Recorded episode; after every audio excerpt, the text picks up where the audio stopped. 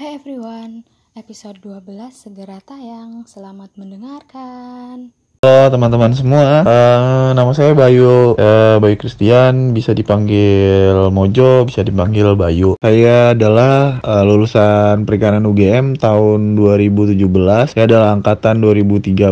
Dulu di skripsi saya, saya mengambil tema sosial ekonomi perikanan. Uh, saat ini saya bekerja di perusahaan uh, startup perikanan di Indonesia Sebelumnya saya bekerja sebagai departemen head untuk uh, Fisheries Department dan Batchery Department. Saya bekerja di uh, modern retail itu selama kurang lebih tiga tahun dan saya ekspertis di bagian hygiene dan produk-produk tentang perikanan dan juga tentang uh, daging sapi, ayam. Perikanan itu apaan sih? Perikanan ya. Kalau misalnya dulu di semester pertama pasti kalau anak perikanan pasti tahu lah.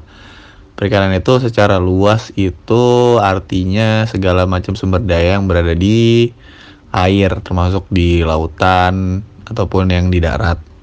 Jadi perikanan itu sebenarnya artinya luas banget dan bukan cuma soal ikannya aja tapi juga soal kehidupan di uh, perairan itu sendiri termasuk dari terumbu karang, termasuk juga ada rumput laut dan berbagai jenis macam usaha yang bersinggungan langsung dengan uh, dunia perairan kurang lebih seperti itu sih yang saya pahami selama ini. Kalau flashback ke kuliah, apa sih suka duka selama kuliah perikanan? Kita mulai dari apanya dulu ya, dari sukanya dulu kali ya.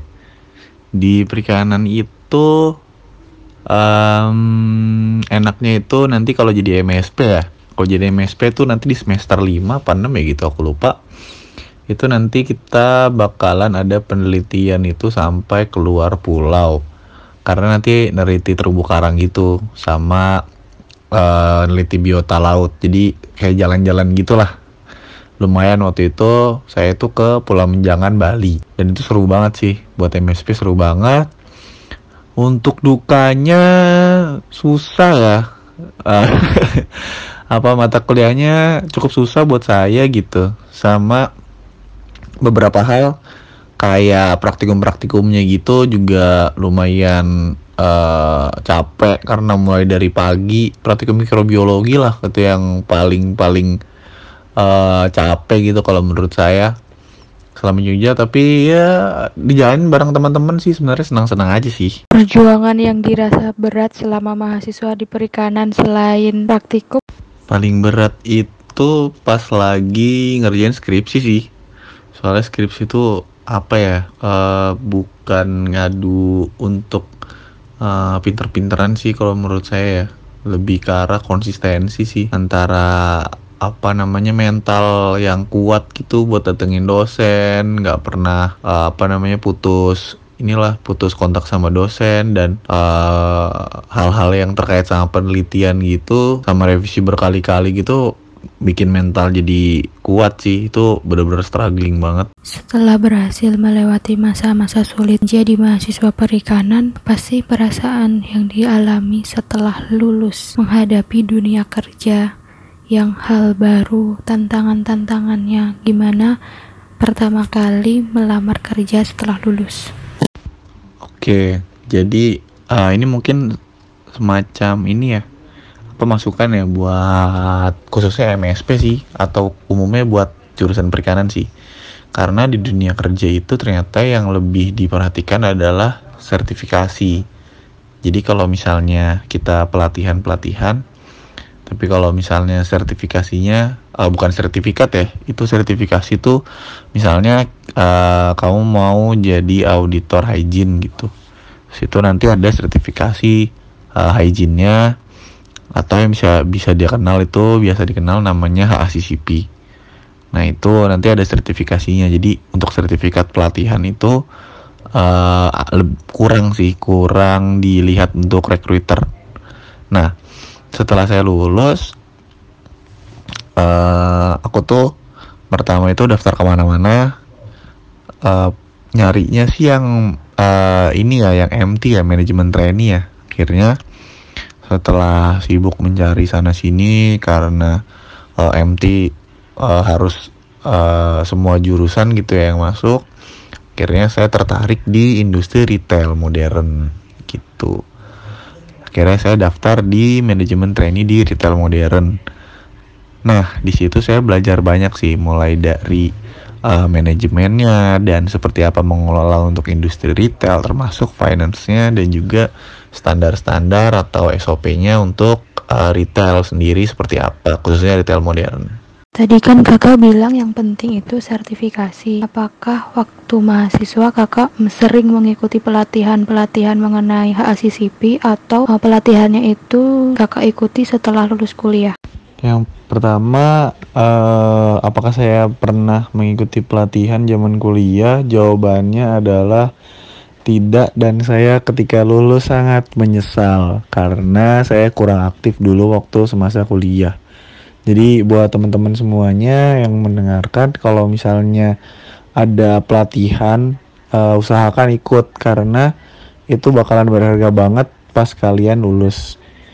Uh, saya sertif saya sertifikasi HCCP belum tapi kalau pelatihannya itu saya ikutin setelah saya lulus jadi sekitar bulan Januari atau Februari tahun 2018 gitu saya lupa itu saya baru ikut pelatihannya HACCP dan sampai sekarang uh, saya belum bersertifikasi tapi uh, pekerjaan saya udah meliputi untuk uh, sertifikasi HACCP sebenarnya. Tadi disebutkan kakak memilih pekerjaan yang MT yaitu manajemen training karena semua jurusan. Disebutkan juga kakak tertarik untuk daftar MT di industri retail modern. Bisa, bisa dijelaskan nggak kenapa tertarik untuk memilih industri retail modern? Kenapa saya tertarik di uh, retail modern? Pertama karena saya tujuannya untuk membuat usaha sendiri. Uh, impiannya sih pengen jadi pengusaha ya. Jadi saya uh, cari cara di mana sih tempat saya harusnya belajar untuk jadi uh, pengusaha dan industri retail itu memang tempat yang bagus untuk belajar uh, menjadi wirausahawan. Kalau menurut saya waktu itu seperti itu. Jadi saya daftarnya di uh, salah satu perusahaan retail modern yang terbesar di Indonesia waktu itu. Sampai sekarang juga masih yang terbesar sih. Dan standar-standarnya saya pelajari betul dan uh, untuk saya buat usaha sendiri uh, itu sangat membantu sekali ya karena banyak banget uh, yang saya pelajarin di industri retail itu. Share nggak tentang pelajaran yang didapatkan mengenai manajemen, finance, atau SOP yang ada di retail modern itu? Mengenai manajemennya dulu ya. Yang pertama itu yang diatur adalah manajemen manusianya. Di mana saya waktu itu harus uh, memimpin orang yang lebih tua daripada saya. Jadi pendekatannya bisa berbeda-beda gitu.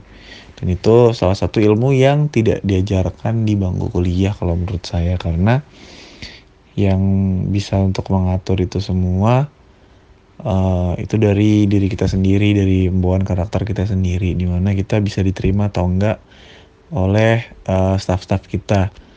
Kalau dulu saya sih tidak menganggap mereka itu uh, bawahan saya atau uh, lebih um, punya posisi yang lebih rendah daripada saya. Saya menyebutnya rekan kerja. Jadi kerja bareng-bareng lah istilahnya gitu. Itu untuk satu manajemennya. Dan juga ada yang namanya manajemen area penjualan. Waktu itu kan saya masih training istilahnya. Jadi masih diarahkan oh iya ah, nanti ada layoutnya ini untuk A untuk produk A produk B produk C. Dan itu termasuk dalam manajemen area. Jadi uh, untuk manajemen areanya itu ada SOP-nya sendiri. SOP-nya itu uh, dibentuk oleh perusahaan. Dari mulai rantai uh, dingin gitu misalnya ya, mulai dari uh, penerimaan barang, terus kita menyebutnya di receive, uh, setelah di receive akan kita storage atau kita storage di bisa di chiller, bisa di cold room gitu atau di freezer room. Tergantung nanti produk seperti apa yang kita handling. Untuk departemen fishery sendiri biasanya uh, kita itu nanti akan ada trainingnya untuk bisa memilah mana yang dengan kualitas baik ataupun yang harus ditolak. Dan di perikanan uh, kurang lebih kita seharusnya sudah paham karena udah sehari-hari kita uh, melihat dan juga beberapa kali praktikum jadi minimal kita sudah bisa untuk memilah mana ya ikan yang baik dan ikan yang tidak segar gitu. Itu untuk uh, eh, SOP di produknya. Dan setiap produk itu punya uh, cara handling yang berbeda-beda. Misalnya, kalau misalnya kita handling produk yang hidup misalnya. Contohnya produk hidup adalah ikan gurame misalnya. Itu nggak boleh dibuat stres.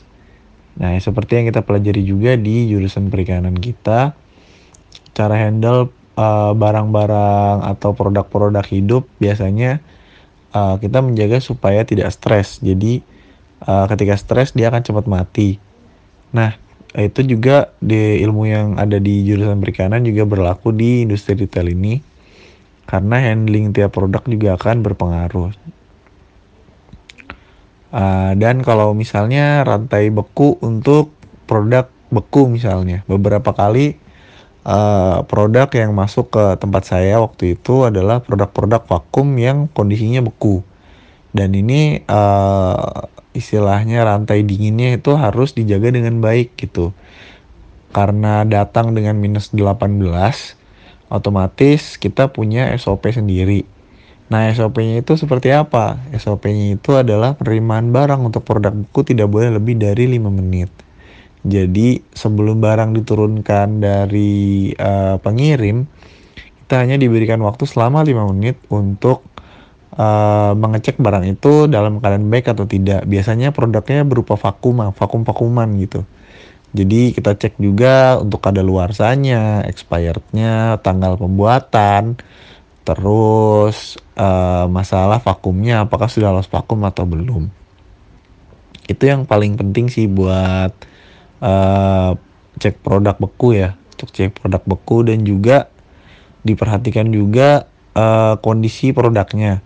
Apakah produk be bekunya itu uh, dihandling dengan tidak baik gitu misalnya. Jadi dihandlingnya dengan asal-asalan pada uh, pabriknya jadi kadang suka ada uh, benjol-benjolan atau seperti lebam seperti itu di produknya karena beradu dengan produk lainnya.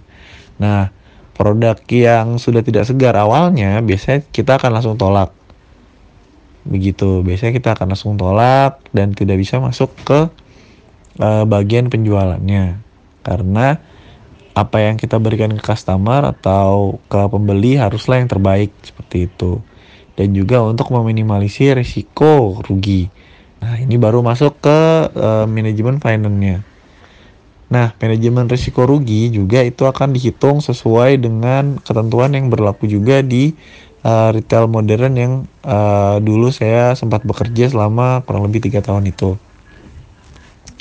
Pertama, uh, handling produk itu tidak boleh salah karena di divisi kita ataupun di uh, jurusan kita yang kita handle adalah produk-produk segar.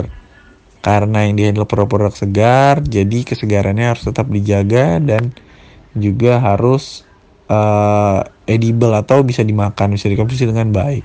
Tidak menyebarkan penyakit dan lain-lain. Oh iya kalau misalnya ada barang gitu dari supplier bentuknya kemasan biasanya uh, kita harus menyertakan satu BP POM nah itu harus karena uh, membuktikan bahwa produk itu aman untuk dikonsumsi yang kedua adalah sertifikasi halal. Nah, itu juga penting karena uh, mayoritas penduduk Indonesia adalah uh, umat muslim. Jadi sertifikasi halal bagi produk-produknya juga uh, salah satu hal yang penting. Begitu. Standar seperti itu dan juga untuk industri rumahan juga termasuk ada PIRT itu juga salah satu uh, requirement atau syarat untuk bisa masuk ke industri retail modern. Nah, uh, lanjut ke bagian finance tadi kita kembali sebentar. Untuk bagian finance tadi kita itu atau saya tepatnya uh, menjaga supaya departemen saya itu tidak mengalami kerugian karena salah handling ataupun barang overestimasi begitu misalnya dalam satu minggu atau dalam beberapa hari gitu tingkat penjualannya hanya satu juta misalnya seperti itu. Tapi uh, saya itu pesan barang atau order barang lebih daripada itu. Akhirnya apa? Akhirnya barangnya akan dibuang. Ketika barang rusak atau barang barang sudah tidak layak untuk dikonsumsi, itu akan langsung uh, menuju proses yang namanya briket atau penghancuran barang. Dan ini biasa sekali dilakukan di retail-retail modern. Nah, uh, supaya tidak menyebabkan briket atau kerugian yang besar untuk perusahaan, jadi saya harus uh, menghitung dengan benar uh, kebutuhan dari konsumen itu sendiri dan juga tidak boleh kurang dan juga tidak boleh berlebihan karena apabila kurang akan terjadi loss sales atau kehilangan penjualan. Tetapi kalau terlalu banyak akan merugikan perusahaan karena uh, produk-produknya akan rusak. Seperti itu. Kalau untuk proses seleksi manajemen training itu bisa diceritain nggak nggak kak seperti apa? Terus berapa lama pelatihannya yang didapatkan itu apa saja dan bagaimana jenjang karirnya di MT itu? Oke, yang pertama itu seleksi seperti apa? Seleksinya biasa sih kita kirim CV ke perusahaan yang kita maksud. Terus nanti diseleksi oleh HR-nya sana. Oh iya sama kirim surat lamaran ini juga. Nanti tesnya itu biasanya interview sama HR-nya Nah, setelah interview kemarin saya itu uh, tes tes tertulis. Ada tes Pauli ada juga uh, tes bahasa Inggris tes logika matematika tes TPA gitu. Nanti biasanya prosesnya itu saya cepet sih lumayan. Itu sebulan sudah selesai waktu itu tuh awal sorry awal Maret ya awal Maret. Selesai itu di April. Dan saya udah mulai masuk kerjanya itu nanti di 30 April kalau saya nggak salah atau 1 Mei gitu lupa. Itu di tahun 2018 pokoknya prosesnya cepat banget. Paling nggak itu dari antara satu ujian ke ujian lain hanya seminggu proses nunggunya. Nah pelajarannya apa aja yang didapatkan? Itu yang tadi saya bilang ada manajemen untuk uh, dasar-dasar manajemennya termasuk uh, manajemen di retail sendiri seperti apa? Mulai dari uh, budaya kerjanya seperti apa? Terus nanti penempatannya di mana? Begitu. Terus juga kita dikasih eh, uh, tahu uh, selengkapnya tentang dunia retail itu seperti apa. Mulai dari standar-standarnya sampai ke bagian-bagian yang uh, teknis seperti uh, cara untuk handling barang atau caranya untuk order barang gitu. Kita juga dijelaskan sampai struktur organisasinya dari perusahaan itu sendiri. Untuk jenjang karir ya jenjang karir untuk manajemen training cukup cepat ya. Kalau misalnya uh, di luar manajemen training untuk mencapai posisi manajemen itu bisa sampai 3 sampai 4 tahun mungkin buat orang biasa ataupun malah ada yang lebih dari itu jadi uh, manajemen training itu seperti fast track yang cepat sekali. Untuk jenjang karir sendiri awal masuk setelah training waktu itu saya 8 bulan itu mungkin kalau uh, lancar begitu ya dan berprestasi mungkin hanya butuh waktu sampai uh, beberapa tahun ya dua atau tiga tahun mungkin akan jadi divisi manager atau mungkin lebih daripada itu ya kalau misalnya uh, prestasinya tidak terlalu uh, tinggi gitu. Itu mungkin 3 sampai 4 tahun lah itu bisa naik jadi divisi manager setelah divisi manager ada yang namanya uh, store general manager atau SGM nanti di atasnya SGM itu ada regional director atau uh, manajer regional lah manajer area. Dan di atasnya manajer area nanti ada lagi beberapa level lagi itu nanti masuk ke direktur-direktur utama begitu untuk produk perikanan sendiri yang ada di pasar modern, uh, komoditas apa yang paling banyak terjual? Untuk produk perikanan sendiri, itu yang paling banyak terjual itu udang biasanya. Pertama itu udang, kedua itu cumi. Yang ketiga biasa sekarang itu yang lagi ngetren itu ikan salmon. Nah ikan salmon yang berada di uh, industri modern atau di modern market gitu, uh, sering banget dijadiin incaran ibu-ibu yang baru punya anak kecil untuk campuran uh, bubur atau biasa disebut empasi. Nah, itu yang lumayan lagi ngetren untuk sekarang. Jadi uh, saya saranin buat ibu-ibu sekalian berusahalah atau uh, coba pelajarin bagaimana cara memilih ikan salmon yang segar. Gitu nah untuk sekarang ini yang lagi banyak diburu juga itu adalah uh, ikan ya ikan-ikan yang kayak tenggiri gitu juga termasuk salah satu uh, komoditas di bagian perikanan yang banyak banget dicari masyarakat sama bagian olahan-olahan dari surimi. Seperti bakso-bakso ikan ataupun dari kue ikan, rolade dan berbagai macam juga termasuk kayak takoyaki gitu-gitu. Gurita juga termasuk salah satu komoditas yang banyak dicari orang-orang banyak sih untuk sekarang ini. Jadi uh, untuk teman-teman semua yang mulai berjualan, uh, berjualanlah uh, komoditas-komoditas yang sekarang banyak dicari masyarakat gitu. Karena kalau misalnya untuk sekarang khususnya di pasar Jawa yang saya tahu ya pasar Jawa Tengah itu yang paling banyak itu adalah yang saya sebutkan tadi. Untuk teman-teman yang berada di Jawa Tengah ataupun di mepet-mepet Jawa Barat uh, komoditasnya masih itu sih yang paling unggulan untuk di pasar modern. Hmm, pengalaman seru selama dalam dunia kerja apa? Pengalaman yang seru itu adalah belajar filet ikan salmon dan juga belajar parting daging. Untuk belajar filet ikan salmon itu uh, aku tuh lumayan lama sih belajar karena takut salah. Nah ternyata dalam belajar kalau takut salah itu malah jadi salah beneran. Jadi buat teman-teman sekalian uh, itu kurangilah untuk takut salah. Karena kalau misalnya kamu makin takut salah itu malah jadi salah beneran sih biasanya. Begitu salah itu biasa dan biasanya dimaklumin sih karena masih baru. Tapi kalau misalnya salahnya terus-terusan itu yang jadi bahaya. Karena berarti kita nggak belajar.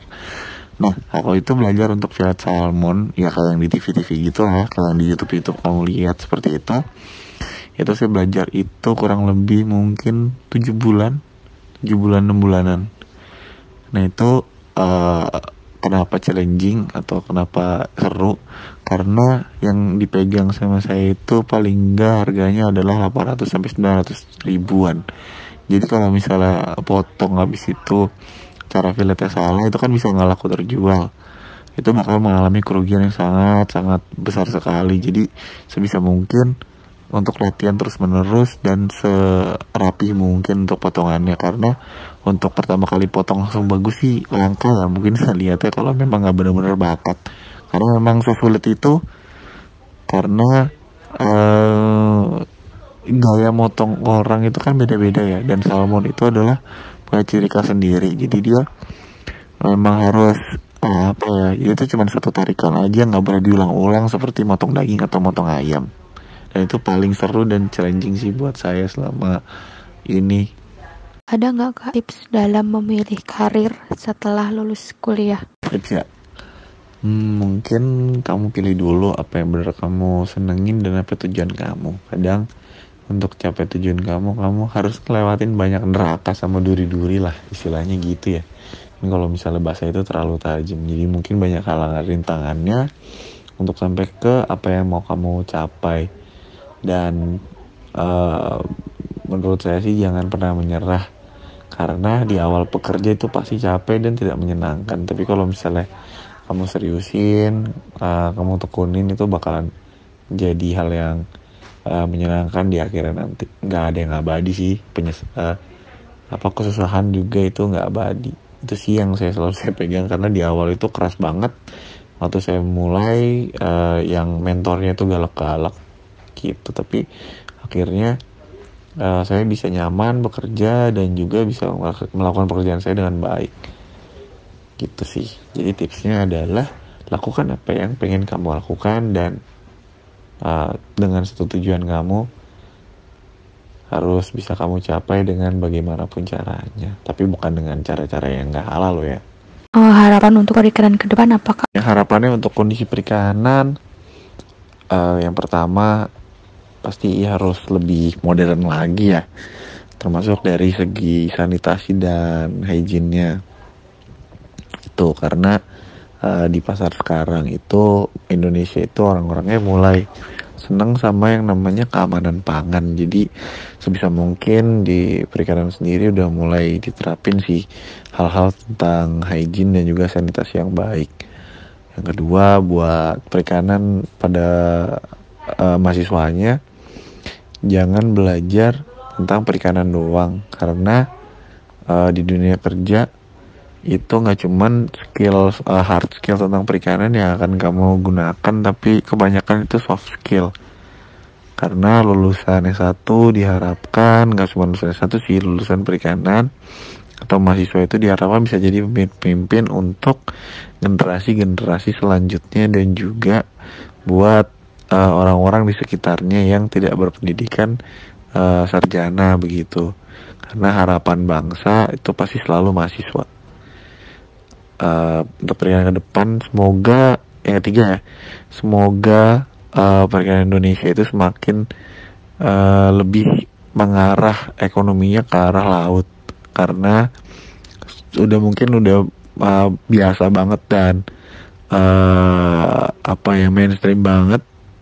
Karena wilayah kita 80% lautan gitu ya dan itu udah biasa banget kalau misalnya kita dibilang lautan adalah masa depan segala macam.